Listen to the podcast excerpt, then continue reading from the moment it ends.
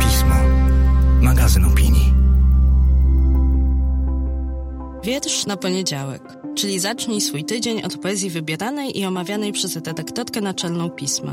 Nazywam się Magdalena Kicińska i zapraszam do słuchania podcastu. Cykl powstaje we współpracy z Fundacją Miasto Literatury.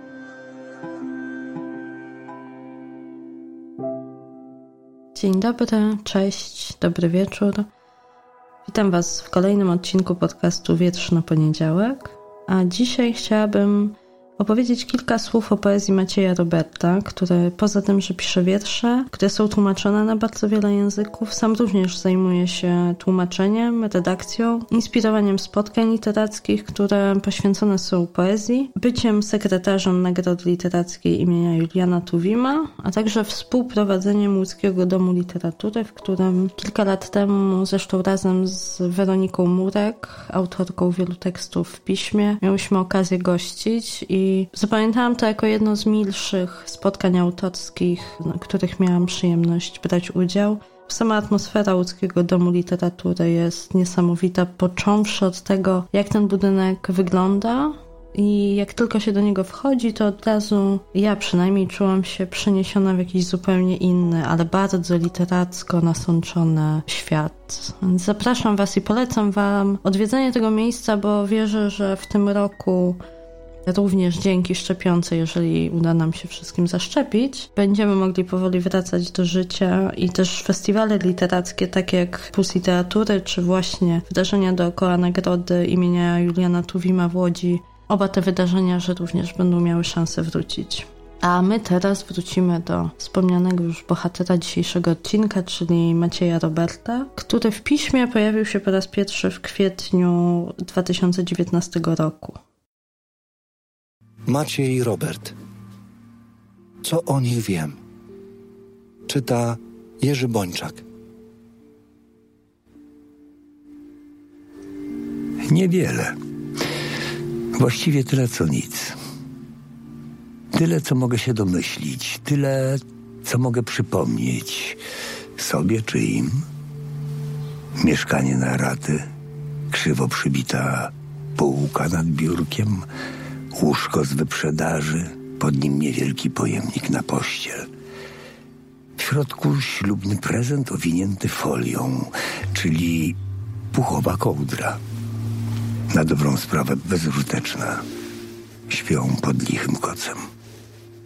Słychać te folie przy każdym ruchu.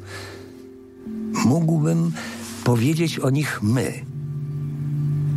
Przeszkadza mi tylko ten szelest.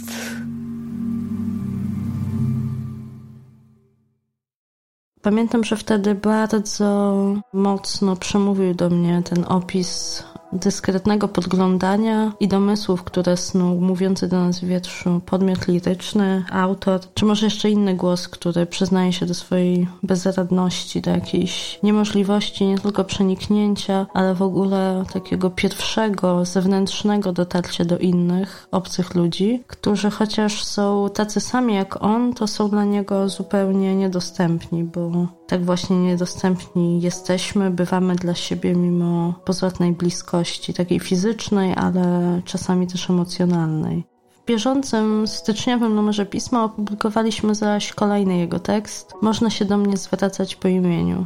Ten wiersz przywodzi mi na myśl teksty przewijające się w kolejnych tomach poetyckich Roberta, bo tematycznie on też krąży wokół wątku, który regularnie w nich powraca wątku śmierci zderzającej się z dzieciństwem, z obrazami z dzieciństwa, które powracają wtedy, kiedy jakoś z odchodzeniem ze stratą się mierzymy. I sensualności, która z kolei przeplata się u Roberta z nietrwałością istnienia, z jakąś materialnością, która w zderzeniu z tym, co nienamacalne, nieosiągalne, wybrzmiewa jeszcze mocniej ze swoją ulotnością i taką nieumiejętnością naz na nazwania nawet tego, co czasami czujemy czy spostrzegamy. Maciej Robert.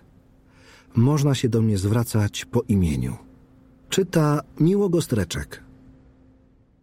Można się do mnie zwracać po imieniu. Kiedy stoję przed lustrem i spoglądam w twarz. A w pokoju obok umarł właśnie ojciec. To był kiedyś mój pokój. A w pokoju obok umarł właśnie ojciec. Poczekaj na mnie chwilkę, zaraz wstanę, synu. Można się do mnie zwracać, bo w pokoju obok umarła właśnie matka. I patrzę na brzuch.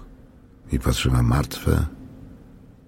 Martwe patrzę łono. Teraz można mnie dotknąć do żywego tym światem. Można mi go powierzyć. Jestem znikąd, dokąd. Teraz jestem swój człowiek.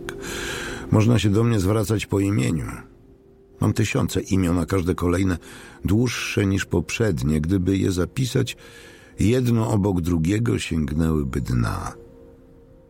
Mam tysiące imion i żadne nie pasuje. Można mi nadać imię. Jestem nikt. Można mnie teraz zobaczyć, podobny do nikogo, moszczący się na tym dnie. Można na mnie popatrzeć przez piwniczne okno, jak się urządzam pod ziemią, pod poziomem ulicy. Uwaga, błąd libelli. W popękanym akwarium pracują skrzela ryb. Można mnie teraz dostrzec. Może i można rozpoznać twarz pośród zgniłych liści. Będę tu na was czekał.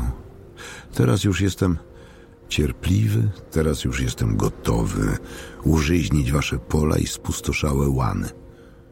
Wprowadzono usługę. Zawsze byłem usłużny. Można mnie sobie przyśnić, jak idę przez ciemny las, jak ląduję w jamie, jak zwój kolczastego drutu oplata prawą i lewą piszczel, jak rozkładam ramiona i jak przechwytują ten kształt chybotliwe światła latarek. Można mnie było nie budzić. Drzewo o drzewo, kość w kość. Była wieża, był dzwon i nawet ogród był w dole. Ktoś próbował grać hejnał, lecz zniekształciła go mgła.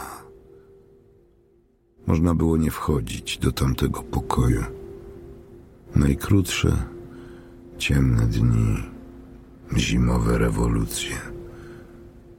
Karetka, radiowóz, straż. Można się było domyślić.